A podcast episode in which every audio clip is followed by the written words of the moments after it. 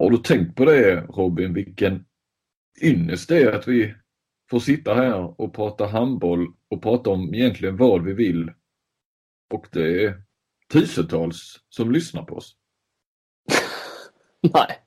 Nej, Nej du får inte bli nervös nu alltså. Men, men eh, det är ju liksom, vilken förmån. Eh, Fick jag helt plötsligt någon sån här tyngd på mina axlar. Ja.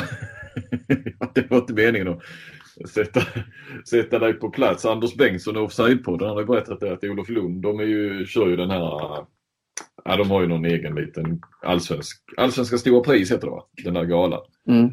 Så är det precis innan, det är ju, liksom, det är ju lite större apparat än vår podd om man säger så. Och innan varje, då de har kört några år då, då är de på plats då för att Offside har ju något pris som delar ut. Och eh, då precis innan det direktsändningen ska dra igång så brukar Olof Lund säga till eh, Bengtsson, sabba nu inte Bengtsson. Mm. Lite maktsport och så liksom hamna lite i överläge kanske. Det, det var inte min mening eh, nu och, och eh, Lägg av och titta på det här Alla mot alla förresten. Nej det har jag inte. Olof Lund är överraskande dålig. Så, Eh, vad är det? det är allmänbildning? Det är, ja, det är ju eh, Filip Fredrik allmänbildning kan man säga. Ja. Men många sportfrågor som Lund. Jag är besviken på Lund. Och det är fotbollen han kan. Lite Ja. lyg. Så du testar en på dig. Kan du säga två spelare som var med i eh, eh, bästa VM-laget från eh, 94? Alltså som blev uttagna i den bästa elvan. då. Förutom eh, Stoichkov. Ja, eh, Thomas Brolin Mm. och eh, ja, eh, alltså Hadji måste väl varit med. Hadji var med. Ja. Eh, Romario var ju med. Romario var med. Eh, var detta en fråga som var med eller du, du Ja, det var en fråga som var med. Man skulle säga två. Men Lund klarar inte det. Baresi? Ja, Baresi, han sa Baresi men han var inte med. ja, okej. Ja, jag tycker det finns några. Man tar ju... eh, Ja, precis. Det har ju alltid någon med från VM-vinnarna. Ja. Och Dunga med. Dunga var med ja. Tror jag. Nu blir jag säker. Men jag tror han var med. Blanco ytterback kanske brasseback. Nej, jag- det var inte meningen att äh, avbryta det. Nej, nej, nej, men jag, jag bara kom på mig nu här lite eh, så. Strax efter midnatt är det igen, torsdag kväll och eh, varmt välkomna till eh, Bladets handbollspodd. Om ni inte visste att det var den ni hade rattat in. Vi är mitt uppe i slutspel ju. Ehm, härlig kväll. Ja det var det. Två slutspelsmatcher är avklarade här ikväll. Eller två kvartsfinaler på här sidan ska jag säga. Och, eh, jo, och så en, eh, och en, sem, eller, och en kvartsfinal i eh, SOE. Där Sävehof slog ut eh, Skara i tre raka. Inte helt oväntat såklart. Nej, det har varit eh, händelserika matcher där. Jag såg ju inte den ikväll men eh, de två första var ju fulla av, eh, det var väl där delegaterna hade sin största show i, det, i den, den kvartsfinalserien. Ja, nu kommer vi in på dem igen. Ja, jag tänkte jag ska inte, jag ska inte eh, nämna mer än så. Nej, för det finns ingen anledning ikväll att gå in på dem va? Nej. Eh, nå- någon av dem är i varje fall inte. Vi har ju inte sett SOE, vi har sett, framförallt har vi sett Kristianstad RIK. Det blev ju rätt snabbt för min del fokus på den matchen. Jag försökte hålla både den och eh, Skövde Lugi igång där men, men eh, Skövde fick ju en så pass bra start och det kändes rätt så klart tidigt. Så att, eh, men det var ju inte, har ju inte varit några domare. Och sen hade vi ju igår då eh, eh Alingsås mot eh, Ystad IF också. Och framför oss har vi ju eh, Malmö Sävehof. Exakt. Vi kan väl nästan börja, vi får väl nästan börja med, med kvällens eh, historia i Kristianstad. Jag var ju väldigt tacksam att det blev förlängning. Jag hade en, en, en jag var inte där utan jag tittade på TV men så hade jag eh, en liten nattning som drog ut på tiden. Så när jag kom ner så var det bara fem minuter kvar av ordinarie tid så att det var ju kul att man fick liksom hänga med hela, hela vägen när det, när det avgjordes. Det var bra att Dexter jävlades lite ikväll. Ja. Uttrycka det så. Ja, det var bra var det inte. Men det var, om man skulle göra det någon kväll så var det passande eh, ikväll när det blev så här. Eh, Nej, nej, det var inte bra, men, men eh, nej. Det var kanske bra av, eh, du kanske ska tacka Tobias Thulin framförallt då, att det blev förlängning. Ja, för det var väl ändå Thulin som är eh, den stora, den stora hjälten i, i RIK, även om jag tycker att det finns eh, många, vi har varit inne på det att eh, om, om, om RIK skulle skrälla mot Kristianstad så Thulin skulle behöva vara en vägg. Men samtidigt att det skulle krävas att eh, fler spelare klev fram. Det skulle inte räcka med Thulin. Och det, Thulin var ju riktigt eh, vass eh, landslagsmässigt såklart. Men det var, fanns ju fler om man tittar på hela den här kvartsfinalserien. Tobias Johansson har ju varit eh, Ja, han har varit den bästa utespelaren eh, sett över tre matcher. Han har nästan varit den bästa utespelaren i alla matcher. 29 mål på tre matcher.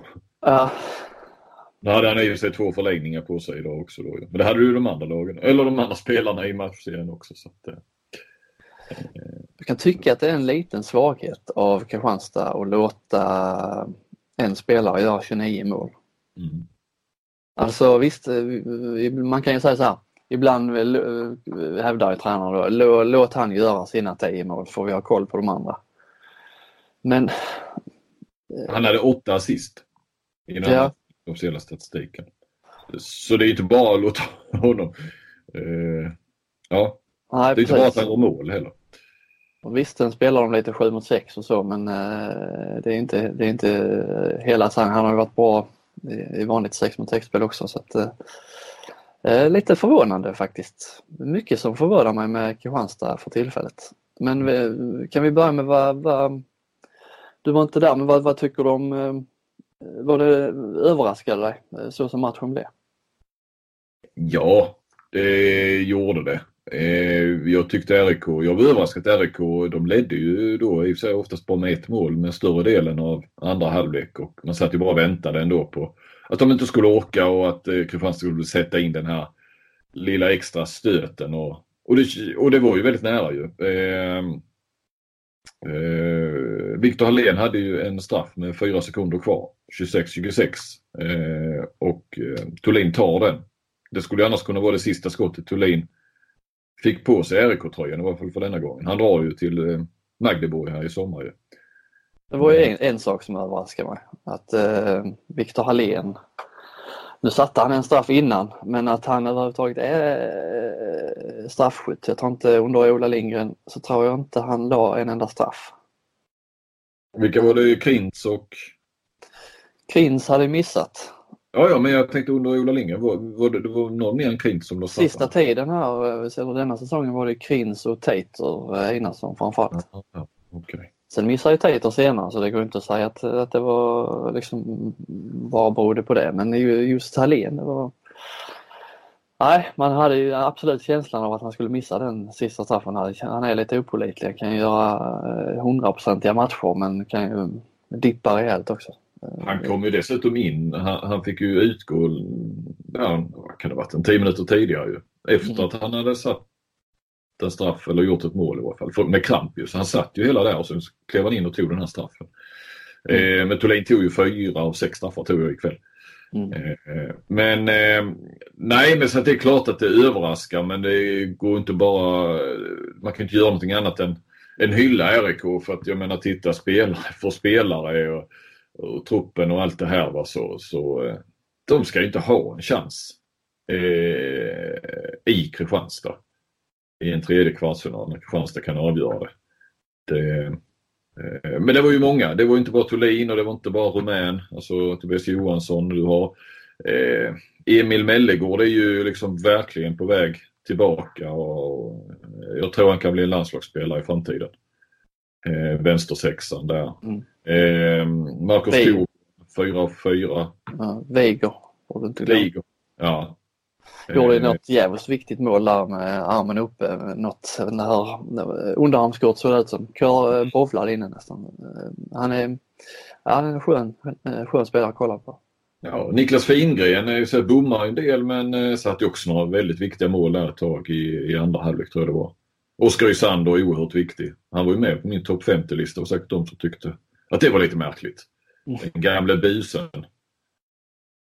Ja och vi ska inte ta ifrån eh, Jasmin Sutta någonting här för att eh, verkligen inte. Alltså det är ju kan jag tycka att det är den största skillnaden. Ja, visst, Thulin är bra så, men jag menar hela, om man tittar på hela den här matchserien, att den ändå är, för det har ju inte varit några överkörningar, det var ju, det var inte långt ifrån att de var, att de tog första matchen här, Relvaslid. Heller. Och man, då testar han en del olika försvarsspel. Eh, anfallsspel också, eh, 7 mot 6, testade 5-1 eh, försvar, 3-3. Eh, hittar han rätt eh, ibland och så tar han med sig det som funkar och ikväll tycker han liksom han får ut eh, någonting helt annat av sitt material än vad eh, Vranjes har fått i de här matcherna. Ja, verkligen. Det kändes ju som jag tänkte också Sota stod ju där nere mellan, alltså till, till vänster om som jag tänker i andra halvlek. Ja, det var det så många halvlekar och förlängningar och grejer och eh, sidobyten. Men när han står där egentligen, eller det kvittar, så har han ju på sin, nästan längst ut på ena sidan så har han ju Magnus Wislander, sin gamla idol. Eh, som han ändå har, liksom ändå det är ju han som har tagit över efter Wislander. Jag ska inte säga att han har petat undan Wislander för att eh, jag tror Wislander trivs rätt så bra i den rollen han har. Men han har ändå tagit över där.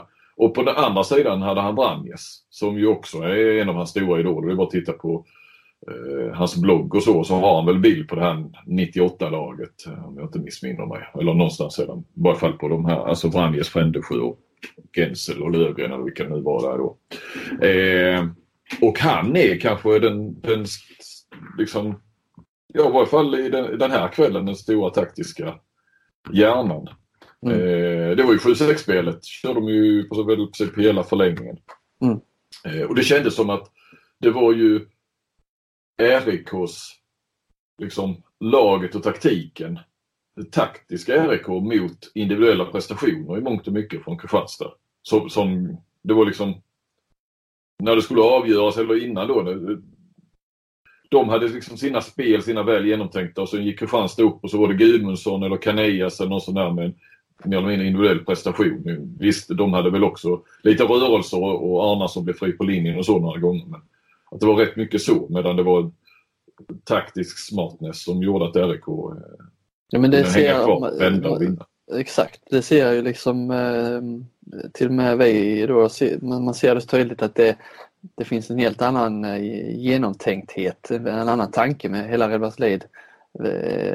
Hela deras anfallsspel med eh, ja, men så tålamod, släpper boll, inte att eh, en och en ska utmana hela tiden. När de utmanar så gör de det i rätt läge. Mm. Men det konstigt, det är mer hackigt och det är liksom, vad, vad vill de egentligen? Vad, vad, vad ska hända? Var vill de ha sin avslut? Mm. Eh, jag är inte imponerad. Sen har de ju, RIK har ju ingen bredd att tala om. Nej. Det borde ju Kristianstad kunna utnyttja men det gör man inte nu vet jag inte riktigt, nu var jag inte där så jag vet inte om det har funnits någon anledning men en sån eh, formstark spelare som Emil Hansson mm. syntes väl inte överhuvudtaget idag. Jag tror inte han var inne nej. nej. Inte vad jag kunde se. Det var väl i, i stort sett samma, samma spelare som spelade hela tiden. Och mm, Visst hade de vunnit. De ledde med tre i förlängningen. Hade de vunnit hade, hade, vi inte, hade vi inte sagt något men nu, eh, alltså, det kan mycket väl vara, vara det som straffar sig i slutet. Mm. Ja men det är ju 80 minuter spel och, och, och RIK med sin smala trupp orkar och står emot och vinner. Mm. Nej, äh, nej, det är märkligt då.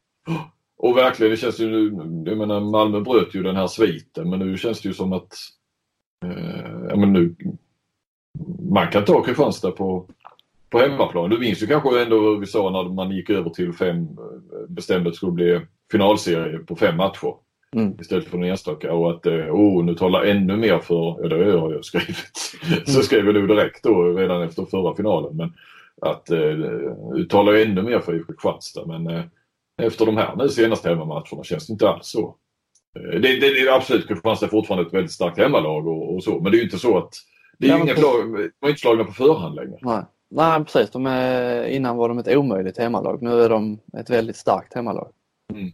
Uh, den här hemmamagin den finns inte längre. Uh, visst för att de tappade sviten är ju en sak men Mm.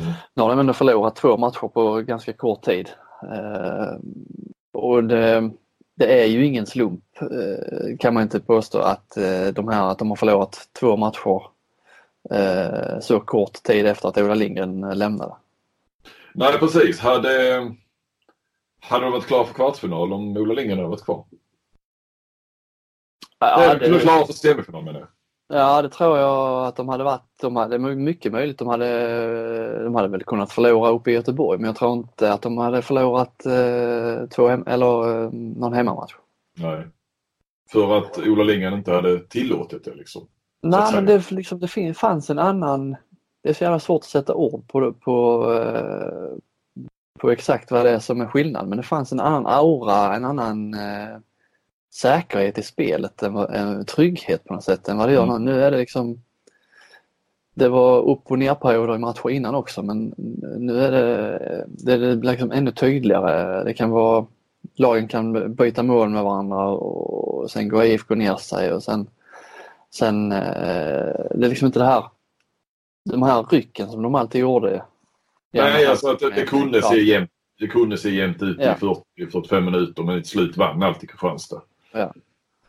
Det, och det, satt, nej, och det sitter man fortfarande och väntar på men det, det, de har liksom aldrig riktigt kommit. Det byggdes upp under många år liksom, men det, den känslan och den magin raseras ju, kan ju, och det har den gjort, raserats väldigt snabbt kan man säga. Jag tror att det fanns satt, satt i spelarnas huvud med under Ola att vi, vi är starka här nu sista, sista 20, sista kvarten, det, det vet vi om. Nu förlorar mot Malmö, eh, ny tränare. Det, jag tror det har smugit sig in en osäkerhet där. Är vi verkligen så starka här sista, mm. sista minuterna? Alltså, det syns så skillnad. Det är svårt att eh, liksom verkligen pricka in exakt vad det är men det, jag tror det är rätt, rätt, många som känner, alltså, rätt många som känner så och, och ser samma sak. Mm, mm. Så att jag vet inte riktigt var den här matchen, eller vi kan ju börja säga Ola var ju på plats ikväll där och tog emot eh, folkets jubel i, i paus. Ja, han, såg ju, han ser ju inte bekväm ut när han ska gå in där och ta emot. Eh, skulle ju se mycket mer bekväm ut i den. Ja. Det gjorde han ju också när han kom in och presenterades då på eh, mm. den dagen.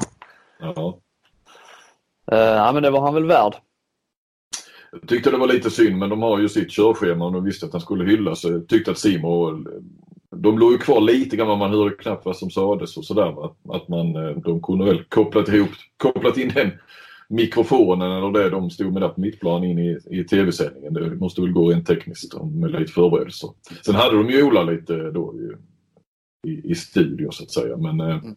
äh, jag tycker det hade varit värt att, att höra vad han sa där direkt till publiken. Hellre det än eh, att stå och prata med Fingren eh, i, i dörren till omklädningsrummet. Jag pratade med Ola häromdagen eh, inför det här. Då, mm, jag läste intervjun. Ja. tyckte det var rätt intressant det han sa om för efter att den här sviten bröts på hemmaplan mot Malmö så här var det mycket så att det var en lättnad för laget och det hade mm. varit ett ok och press och så här. Uh, han fattade ingenting av det. Han, han, hade, han hade läst, läst att, de, att det var, reaktionerna var så men han, för honom hade det aldrig varit en belastning den här, den här sviten utan det var hemmamatcher var matcher som skulle vinnas. Uh, mm.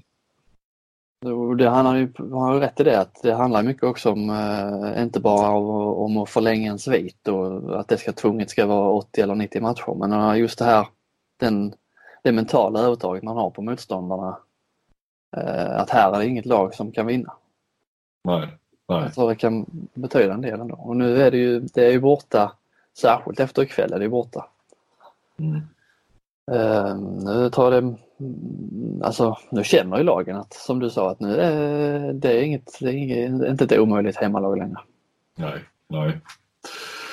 Eh, vi kan väl ta och se hur vi tror att det går här. Vi, vi kan väl beta av de här eh, kvartsfinalerna då. Eh, så, så, vi väntar lite med att säga om hur det går mellan Kristianstad och RIK framgent. Mm. Eh, vi hade ju då den andra en kvart till här som blev klar. Skövde blev klart för semifinal efter att ha slagit Lugi då i tre raka. Mm. Eh, nej, det är väl imponerande, eller väl, det är ju imponerande. Eh, det var lapp på luckan vad jag kunde förstå i Skövde Arena. Ja, och där har de ju... Det är stora saker på gång i Skövde. Du Ja. skrev ju, så du skrev en krönika också om... Eh, de känns ju allt mer som, som nästa IFK kan man väl... Ja, nej, varför inte? Ja, eller i alla fall eh, den stora utmanaren till, eh, till IFK Kristianstad på sikt. Eh, Jag menar HK Malmö har väl varit rent på planen de som har utmanat. menar de tog ju ändå finalen i, i fjol till förlängning, eller hur? Mm. Så stilla, visst var det det blev förlängning där ja. Ja, Jämnt var det ju. Eh, och de blev ju tvåa i år och, och så i, i grundserien. Men eh, det känns ju inte som att eh, Alltså där finns ju, där finns ju inga egna talanger underifrån. De har ingen stad bakom sig. Eh, publiken, eh, de är inte så intresserade Malmöborna och gå och titta på handboll. Alltså det, kommer inte att hålla på sikt eh, har jag svårt att se. Och, Malmö är ett projekt som Jörgen Rasmusson driver. Det är tack vare honom som de överlever och, och kan ta in så och värva så pass bra spelare. Eh, Men det är sen, jag köper att alla får göra det på sitt sätt och det är bra att inte, du kan inte bara ha Lugi och Sävehof och Ystad IF som är fantastiska på att ta fram talanger. Det har vi pratat om tidigare.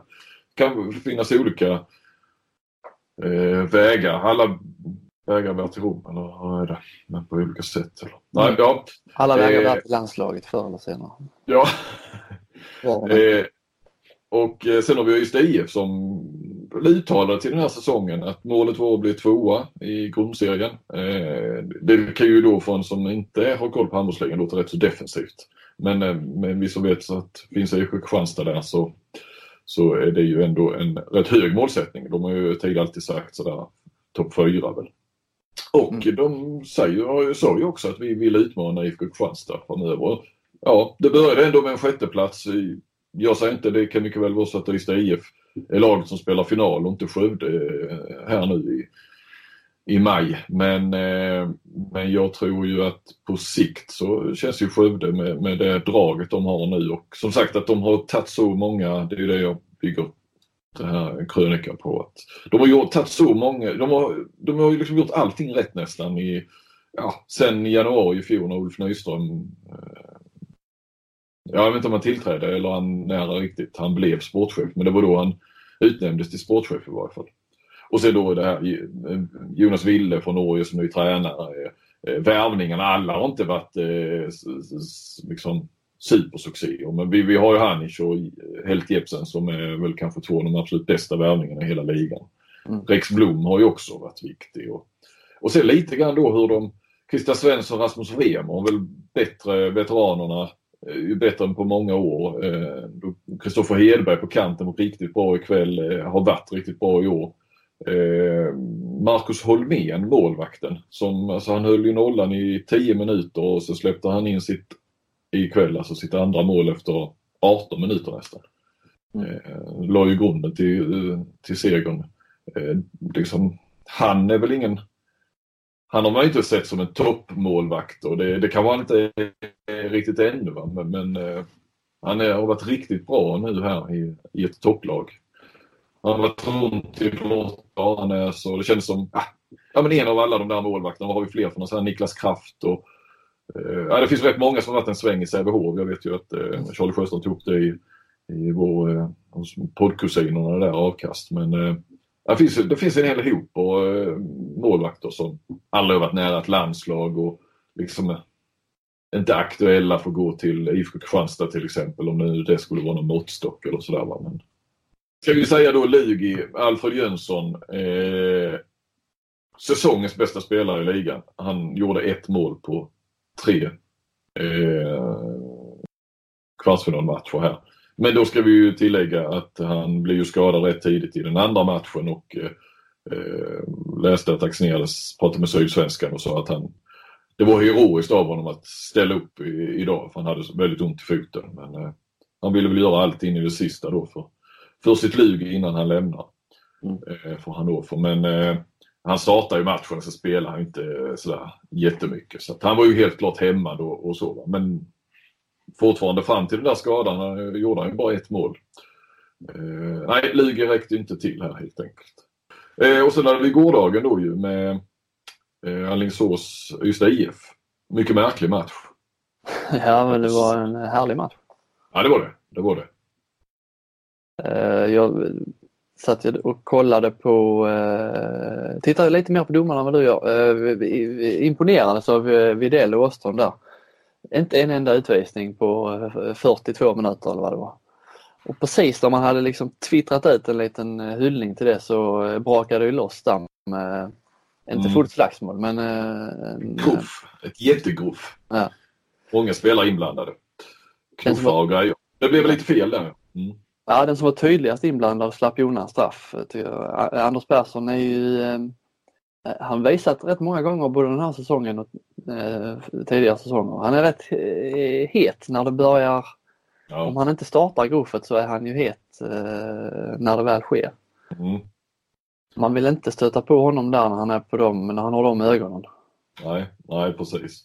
Eh, nej, där tog de ju, skickade de ju två röda kort då ja på, på eh, Jonathan Svensson i Ystad och eh, Berg i, i Alingsås. Och det var väl inte riktigt, eh, det var inte klockrent.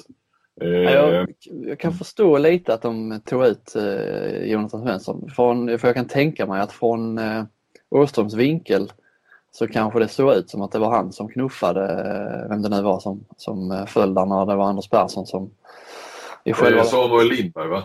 Lindberg, okej, okay, det var det. Det var ju Anders Persson som knuffade honom in i eh, Jonathan Svensson. Alltså han, studsade via Jonathan Svensson kan man säga. Han ramlade ju liksom åt fel håll för att det skulle varit Anders Persson som knuffade. Om du förstår vad jag menar. Mm.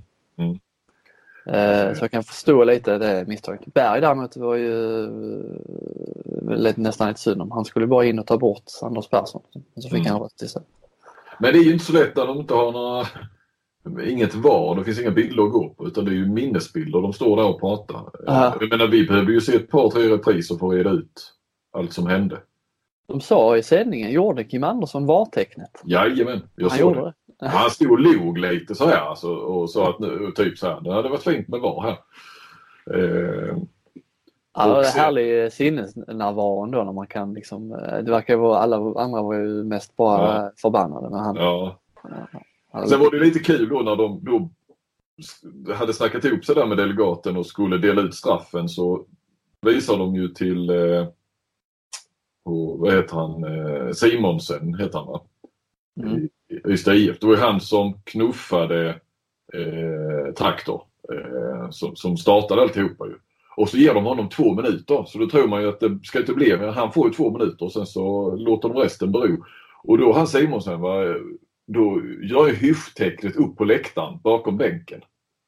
Eh, ungefär alltså sådär bara. Så det är klart det kunde han göra för sin egen skull. Han var kanske rädd att få ett rött kort. Men sen så liksom han bara, haha det blir inte mer än så här. Och så, så kommer det två röda kort istället. Lite kul blir det. Eh, men eh, ja, då ska vi tillbaka till det sportsliga så var det ju helt otroligt. Då ledde de alltså med 25-21 Alingsås på hemmaplan. Man tänkte där att, eh, ja, man tänkte där att ja, nu klarar sig Anders Persson från, från rött kort. Eh, ger mig fram på att han spikar igen här nu och att det blir det allting handlar om att han skulle varit utvisad. Nu blir han match, matchhjälte istället. Men eh, kom ju Måns Landgren in istället och var väl eh, en av hjältarna i alla fall i den här supervändningen. Ja, de gjorde alltså 6-0 sista fem och en halv minuter tror jag. Eh, just det. 7-6-spel som då spelade de i och för sig hela sista kvarten tror jag. Något sånt. Men det var ju då de fick riktig utdelning på det. Och Kim Andersson briljerade. Han spelade väl fram till fem av Ystads sju sista mål tror jag. Mm. Ludvig Hallbäck eh, kom igång. Men det är, det är ju någonting med Kim Andersson. Jag såg sen att han hade, för han sköt ju i princip ingenting. Eh, och det såg man ju ändå till slut då. I, då de gick inte ut så mycket på honom. Men om de sen körde 7-6-spelet så blir det ju ändå luckor. Han kan ändå briljera med sin, med sin assistarm. Eh, men det är ju nog så att han har pratat med just Allehanda. Eh, jag provade för övrigt faktiskt att slå Kim med signalen. Han svarade inte. Smart. Han har lärt sig. Han har lärt sig. Han ska, han ska inte svara. Eh, jag tänkte fråga just eh, med tanke på landslaget då eh, nästa vecka. Eh, för det kom ju återbud från eh, Kim Ekdahl och Jesper Nilsson. Ja, Jesper Nilsson ja. Eh, och eh, så då Kim Andersson eh, och eh, det verkar ju där på Ystad Allehanda när han pratade med dem att det lät ju tveksamt. Han har ju problem med knä tydligen, alltså knä när han landar. Eh, framförallt verkar det göra mest ont. Så jag räknar med att det blir nog ett återbud där också. Och det är det som, jag menar Kim Ekdahl och Kim Andersson, ja det kommer att vara mycket skador. Det kommer att vara mycket sånt fram eh, fram till, ja det är ju EM då som är nästa stora grej. Alltså. Mm. Eh, men tyvärr är det då lite så att eh, det verkar ju som, om man tittar på hur de här matcherna har, eh, har avgjorts nu, så verkar det som att 7 mot 6-spelet kommer att eh, kanske till och med kommer att avgöra hela, hela slutspelet. Vilka som eh, behärskar det bäst. Stockenberg tog ju uh, cred där tyckte han ju för att uh, RIK vann. Han skrev ju Det var härligt att Tuta uh, tog efter min, min taktik. Ja, jag skrev ju inför slutspelet i någon krönika där att eh, 7 mot 6-spelet var eh, Kristianstads eh, lite som deras eh, kryptonit men eh, att ja, mot RIK eh, kanske inte de behöver vara sig så mycket för det. Eh, för de är inte så kända för att eh, spela det så, så mycket men eh, ja, här står vi nu med 7 mot 6. Eh, RIK vann 7 mot 6-spel, Ystad vann 7 mot 6-spel. Eh, Sävehof när de vinner så gör de det med sitt 7 mot 6-spel. Mm. Mm. Ja, det fördärv, men det finns där. Ja. Ja. Nu kommer jag tillbaka till Kristianstad igen, men vad fan. De spelar aldrig 7 mot 6 fram, framåt och de är rätt så svaga på att försvara sig mot 7 mot 6-spel trots att de möter det kanske oftare än något annat lag. Jag tycker att det, nu är det liksom hög tid och det är en coachfråga det också. Mm, mm. Inte för att Ola var bättre än Vranjes på 7 6 men de, där är de ju exakt likadana men eh, någonstans får man släppa stoltheten kanske och eh, alltså även om man är Sveriges bästa lag hit och dit. Ja, man får kanske själv också när det börjar gå lite trögt mot eh, sämre motstånd inom parentes eller eh, citattecken. Eh, då får man själv kanske också anpassa sig lite. Ja, de har ju 14 dagar på sig nu väl nästan. Ja. Eh, nu slapp de i alla fall det här långa 20 dagars uppehållet. Ja, ja precis som det hade blivit om de hade avgjort det. Ja. ja. ja. Lite synd med det här. Eh, vi vet ju alla varför det är så men att det ska vara ett sånt här långt speluppehåll mitt inne i slutspelet. Särskilt nu när vi har de här matcherna där det kan ha varit hett i, hett i alla matcher som, som är kvar då så ska nu, nu verkligen hade varit läge att pumpa igång. Inte bara spel lagmässigt men för oss i media så det, det händer ju mer när man när det är tätare matcher. Man, man kan skriva någonting. Det blir liksom eh, inte så långt mellan artiklarna. Nu, när, när det går två veckor, mer, mer än det i vissa fall. Eh, liksom, det är helt omöjligt att hålla igång någon slags eh, någon slags intresse hos läsarna under så lång tid. Nej, så är det ju. Eh, men så är det ju varje år.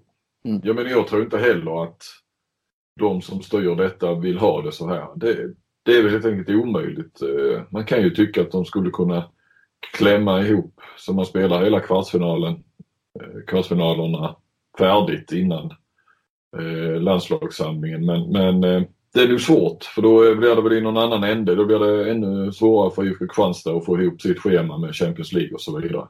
Ja. Så man får väl lita på att, jag vet inte om det är superdatorn som fortfarande är inblandad. Inblandad ja. Ja, Skövde får ju det här långa uppehållet nu istället. Eh, ja.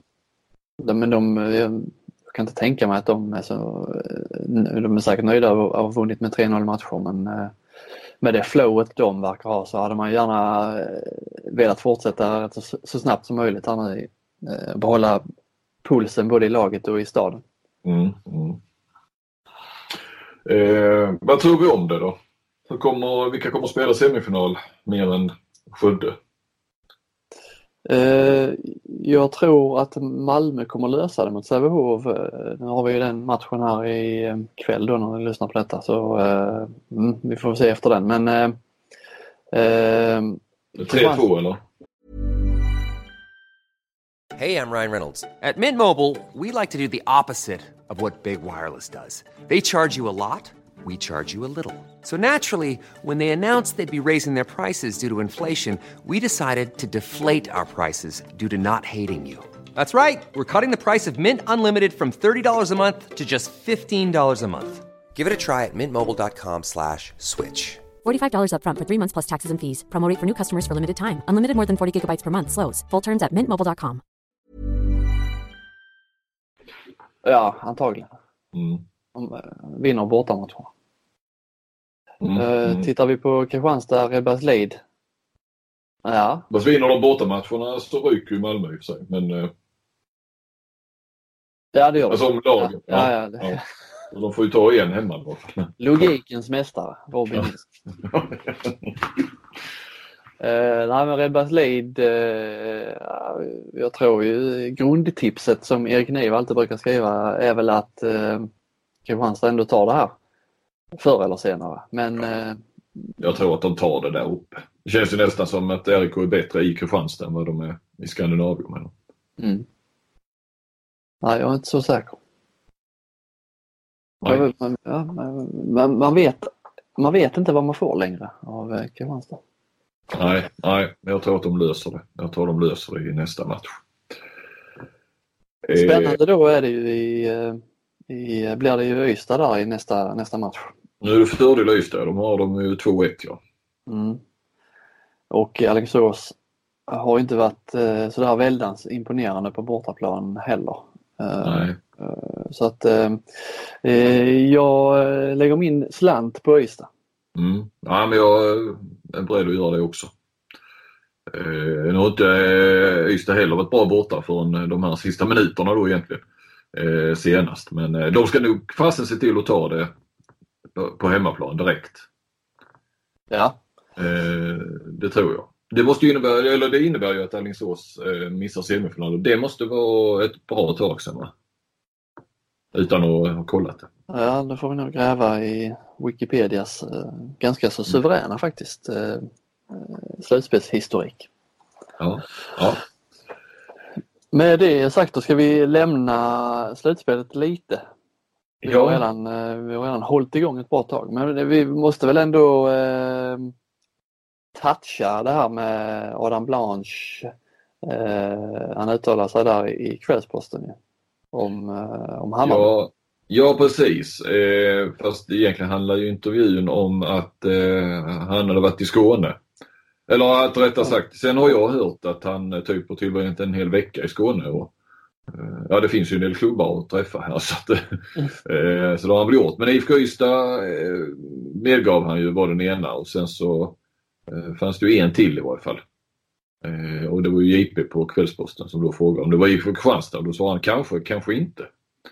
Mm. Ett bra svar, det är ju ingen lögn ju. Nej, Ja, så var kan man ju svara kanske- det var kanske det som eh, Kim skulle ha gjort. Ja det var faktiskt eh, det var suveränt. Han, var, han är ju eh, ung och orutinerad i intervjusituationer men eh, det var ett suveränt svar. Ja, så han kanske, inte, han kanske är rätt slipad egentligen. För sen var det ju så då att han fick en fråga. Eh, vad berodde haveriet i Hammarby i år på? Eh, och eh, då började han lite med skadorna men alltså det, det, visst, det har spelat in men de kan vi inte skylla på. Eh, och sen så eh, kom det ju en eh, rätt frän kritik. Egentligen så mm, vill han inte själv stå bakom den. nej det var, eh, nej precis. Det var lite Eh. uthängning av både Erik Larholm, tränaren och sina lagkamrater. Kan man säga. Ja, precis. Eh, ska vi ta det ordagrant så sa han så här. Det är många olika saker som ligger bakom. Dels skadorna, men det kan man inte skylla på. Och dels att vi hade en ny tränare som inte hade spelarnas förtroende. Jag hade Erik Larholm som juniortränare och han har hjälpt mig mycket. Jag tycker han är en bra tränare. Men många spelare gick in med inställningen att han inte är bra. Det kändes redan i början av säsongen. Många lyssnade inte på Larholm på träningarna, säger Adam Blanche. Eh, de hade ju faktiskt två tränare. De hade ju Patrik Fahlgren också. Mm. Även om han var spelande så, så har ju ändå känslan att båda var ju på upptaktsträffen i, till exempel. Alltså de, de har ju, det har ju liksom varit en Lars Tommy-lösning. Har det ju känts som. Med lika mycket ansvar ungefär. Det är klart matchcoachningen måste ju falla lite, eller hamna lite mer på Laron som är på bänken. Men, eh, ja, så svarade han. Men, eh, och det tyckte jag ju var lite intressant. Eh, för då var det först den första som säger då någonting av spelarna då. För det hade ju ryktades ju om ett spelaruppror och så inför eh, då den sista matchen. När Laholm inte fick åka med laget ner till Karlskrona. Men, så jag la ju ut den här bara då, tog en skärmdump på det här, det svaret. Eh, och sen så visade det igår då, så visade det sig idag att det var det borttaget. Det är jag uppmärksammad på. Ja, det fanns inte kvar i artikeln och där stod ingen eh ingen liten fotnot eller någon förklaring till var det hade tagit vägen, det citatet. Och du kontaktade JP på Kvällsposten men du har inte fått något svar? Nej, jag vet inte om han har, jag gjorde det här på kvällen så jag vet inte om han har sett det men eh, nej, jag ville bara kolla så man inte sitter och... Det kanske fanns någon logisk förklaring men eh, det är ju rätt så eh, häpnadsväckande är det ändå att det bara försvinner. Man, man liksom, det öppnar upp för en mängd olika teorier. Mm. Med Adam Blanc som har ångrat sig och JP har varit schysst då på något sätt eller varit, eh, tänkte vara snäll på något sätt och eh, ta bort det. Eller, för nu hjälper det liksom inte att det är borttaget. Nej, nej, eftersom skärmdumpen finns eh, och jag har ju spridit den i varje fall. Och det var ju inte illasinnat av mig då på något vis. Men, men det är också lite konstigt för att JP borde väl ha har, har så pass mycket koll på omvärlden att han har sett att det har uppmärksammats och därför blir det ju konstigt att ta väck det. Ännu mer konstigt än om det hade varit ja, som typ ingen hade sett ungefär. Som man tar bort och så. Nu, nu ja. Ja, jag vet inte vilket som, är, som är, vilket som är det mest troliga scenariot. Om det är Blanche själv som har, eller om det är, vad, vad finns det annars för scenario? Nej, nej, nej. Han, annars är han felciterad men eh, Mm. Så har jag svårt att tro att, att, eh, att en sån liksom, lång utläggning skulle vara en felcitering. Eh, det, det får man liksom inte ihop. Nej, nej. Nej, lite märkligt faktiskt. Eller mycket märkligt. Ja. Men vi har inte gått till botten med det heller. Men, men eh, det är väl fritt fram för oss att spekulera.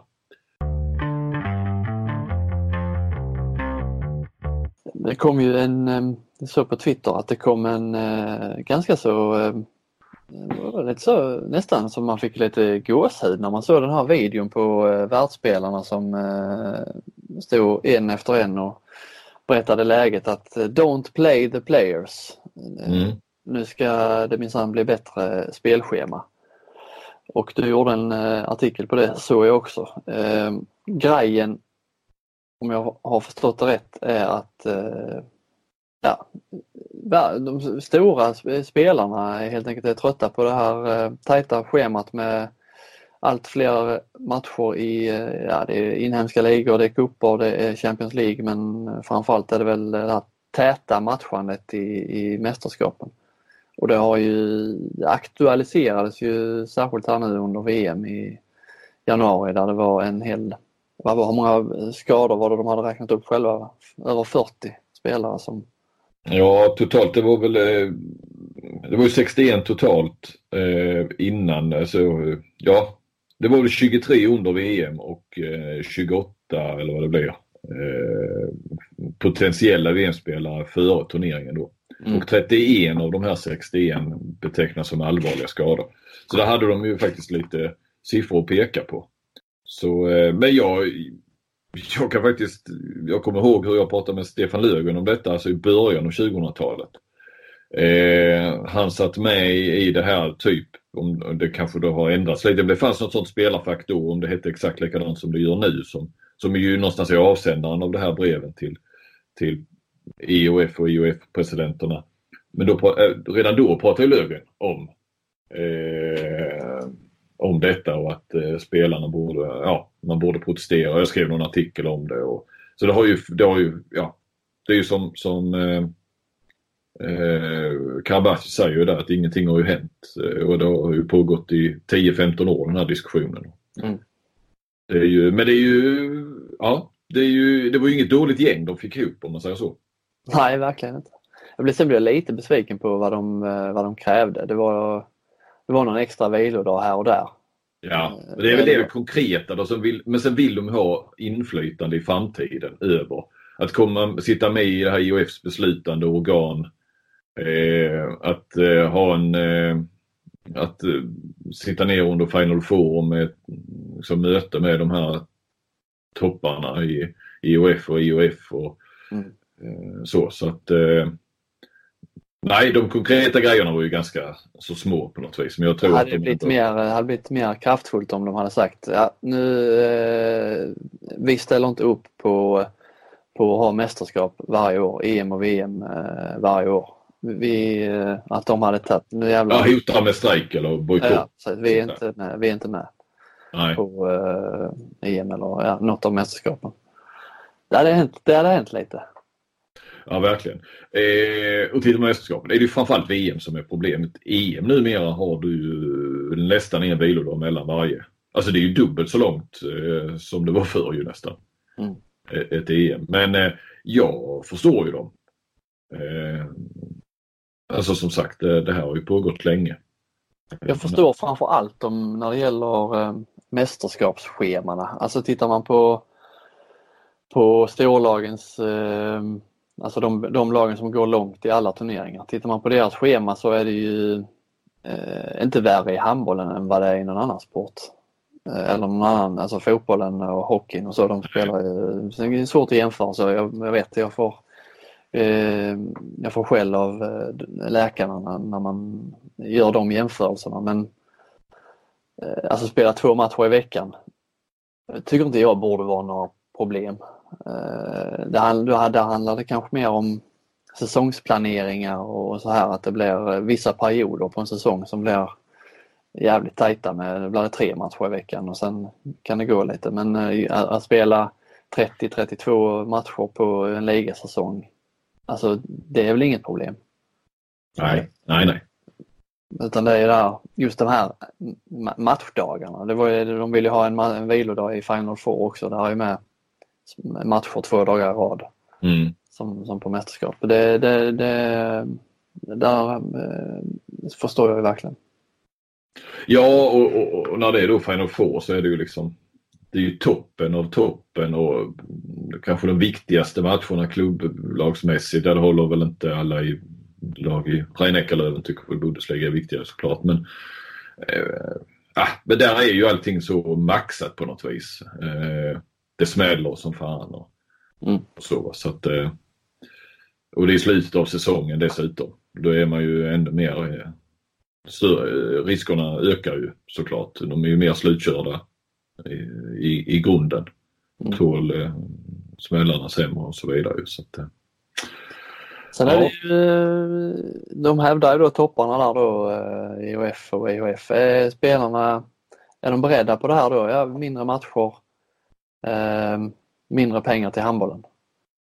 Eh, jag tänkte lite på det, ja nej det, det är de kanske inte. Eh, de, de kommer väl inte att gå ner i några löner eller vilja tjäna mindre pengar för att de går ut med ett sånt här upprop. Men sen ah, med tanke på det de krävde, hur mycket mindre pengar kan det komma i handbollen?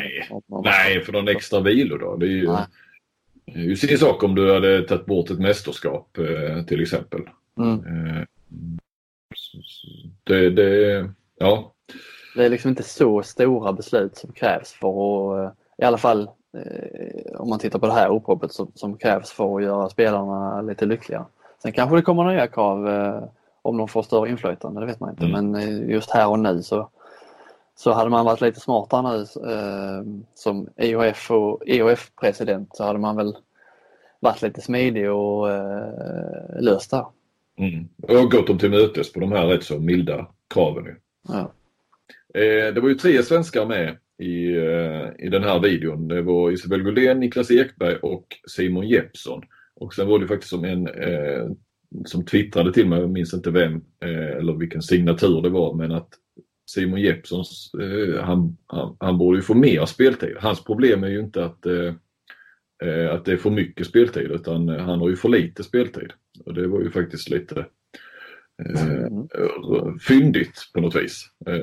Synd om Jeppsson lite grann men det var lite konstigt att han dök upp i, i den videon kanske. Ja faktiskt. det tänkte jag.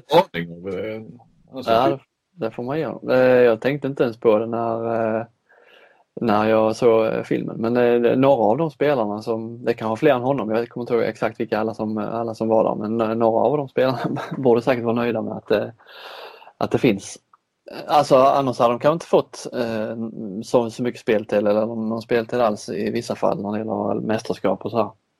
Nej, men jag tror att eh, jag kollade igenom och kunde identifiera de flesta. Men det var faktiskt några som var rätt svåra. Eh, och det kändes som väldigt stora namn. Jag eh, skulle nu säga att Jeppsson är, ja, är nog den som har spelat Minst. överlägset av dem. Ja. ja. Det har blivit, eh, vi körde ingen kucklirare förra veckan. Eh, kan inte påstå att lyssnarna har rasat över detta. Eh, men eh, vi har ju dragit igång en serie och en serie var ju mer än i tre, fyra delar. Så att eh, jag tycker vi tar upp tråden igen men vi har ingen intervju här med en gammal kultlirare. Utan eh, istället så eh, ska vi prata runt, prata runt honom kan man väl säga. Konstantin Tjarovarov eh, tänkte jag ta upp och det är då alltså en högersexa som tog OS-guld med Sovjetunionen 1988. Eh, skulle nog tagit OS-guld även 92 men han eh, drog hälsenan eller någon sån rejäl fotskada där. Eh, eh han var med och tog eh, VM-silver eh, i eh, eh, 1990 mot Sverige där då. Eh, och är född 64 alltså, precis som Ola Lindgren, Staffan Olsson och, Magnus Land och det gänget. Eh, han eh, är oss veterligen den enda OS-guldmedaljören som har spelat i elitserien eller handbollsligan som numera heter. Eh, och han, för han dök upp i kroppskultur nämligen. De lyckades värva honom 1996 så han gjorde en säsong och jag vet vem som var tränare i kroppskultur då? Per Johansson. Eh, jag tror att Kropps var nykomling så jag har pratat lite med Per om eh, Charovarov eh, och hur, hur jösse namn han hamnade där. Eh, och då var det via en eh, vitrysk agent. Eh, han är vitrysk då. Eh, men det var ju sen under Sovjetunionen, Sovjetunionen den tiden som han var hade ju sina kanske största framgångar då, man ska säga. Och han spelade alltså i det här laget Ska Minsk som eh, vann eh, ett par, tre stycken eh, Champions League eller Europacupen som det hette då. Eh, 1987, 89 och 90. Eh, och betraktas ju som eh, ett av världens bästa klubblag genom tiderna. Alltså det är ju ihop med Barcelonas Dream Team där på 90-talet, Thomas Svensson var med. Eh, du har ju Metall och Plastica eh, där lite innan minst kan man väl säga. Eh, ah, det finns ju några sådana. Du har ju Ciudad Real där också. Eh, Kiel när de var som bäst. Då. några sådana lag. Men det, de räknas där och där var han ju då högersexa. Eh, och sen eh, när muren eh, föll så eh, var han en sväng i Spandau i eh, Tyskland. Eh, tror att det måste vara eh, gamla Östtyskland känns det som. Sen drog han ett par år i mitten på 90-talet till eh, Israel och enligt Per så var det rätt många av ryssarna som gjorde det. Sen var tillbaka någon säsong i Minsk som inte var lika bra längre och eh, sen så kom han i varje fall till kroppskultur. Och då på sån här ett halvår eh, som gjorde att de, han bara betalade så 15 skatt eller något sånt istället för betydligt mer då. Eh, så han kom ju bara några dagar innan eh, premiären och eh, vara kvar sen resten av säsongen för att eh, de klarade väl sig kvar då men de, det var ju inget slutspel och så. Så att eh, en säsong gjorde han. Och eh, eh Per berättade att Eh, på tal lite grann, vi kan koppla det till IFK Kristianstads nuvarande tränare, att eh, då han kom några dagar innan och gjorde sin första match, det var premiären mot RIK. Så minns i alla fall Per Johansson det som att det var premiären mot RIK. Eh, högersexa var han. Då gick han mot en viss Jobomir Vranjes som var vänsteretta då i försvar. Och eh, han hade ju alltså julafton eh, mot Vranjes och satte eh, 7 på 7. Och eh, så fick Per Johansson höra att dagen efter så hade ju då RIK träning och de hade väl haft ett möte och gått igenom matchen. Och, eh, Reine Pedersen var ju eh, var väl kvar om han var tränare officiellt eller det var bagaren eller hur som han var ju alltid i, faggorna då ju. Och eh, han eh, hade väl eh, något vis sagt ändå att ja, men det var inte så jäkla konstigt att vi förlorade. Vi, vi var ju, spelade ju fem mot sex. Eh, han räknade liksom inte Vranjes som i den matchen. Men eh, han beskrivs i varje fall som eh, väldigt eh, proffsig. Eh, alltså det var inte så här, jag vet inte om du har hört den med Krutov, den gamla hockeyspelaren som, eh, han var ju rätt så, han var ju rätt nersupen. Han spelade ju så här Brunflo eller någonting sånt ju. Mm, ja. På 90-talet. Men det, det var det inte alls här utan eh, det var, ja, men det var tipptopp på alla sätt med eh, Shaovarov. Eh, men de hade väl inte råd att, att behålla honom längre för han hade ju rätt så hyfsat betalt. Eh, eh, han var, eh, ja, nej, väldigt bra en mot en. Eh, kunde sätta dem från de mest sämsta vinklarna och bra bakåt. Och, eh, ah, han blir ju en, blir en älskad där i, i Uddevalla med Kropps. Eh, sen så var det ju tydligen samtidigt så, så spelade, hade ju Oddevold var väl uppe i Allsvenskan i hugget där, eh, fotbollen. Och de hade ju Sergej Alenikov, en gammal storspelare. Men han var det ju tydligen betydligt mer, det var nog lite mer sprit och lite mer nedgången och sådär. Eh, men han hade, han, Per ringde ju till Hanna Leinikov då när han Tjervarov kom. Eh, och, eh, och använde då Aleinikov, eller skulle använda honom som lite tolk där tydligen. På något taktiskt möte eller någonting sånt där. Så där satt en gammal storspelare i fotboll och översatte på ett eh, taktikmöte i handboll. Eh, grejen var att Tjervarov sen drog till Anderstorp Jaså? Ja, som då i division 1, alltså som då var näst högsta ligan, hette division 1 på den tiden. Och där spelade han ju i tre säsonger och jag har pratat med Anderstorp också. Eh, lite kort med, med Stefan Ryd som tydligen var en driftig eh, herre och, och så i Anderstorp på den tiden. Jag fattade som han fortfarande var kvar. Men han satt i, på Sri Lanka, han reste mycket i jobbet så att eh, jag kunde inte prata så mycket med honom. Eh, men eh, det var ju sponsorer och sånt så jag sa hur jösse namn lyckades ni få, få, eh, få honom eller så. Ja, men det var sponsorer som gick in. Eh, och så hade de rätt så bra kontakt. Så pratade jag med en annan Sven Andersson som alltså har varit med i Anderstorps SK i 50 år.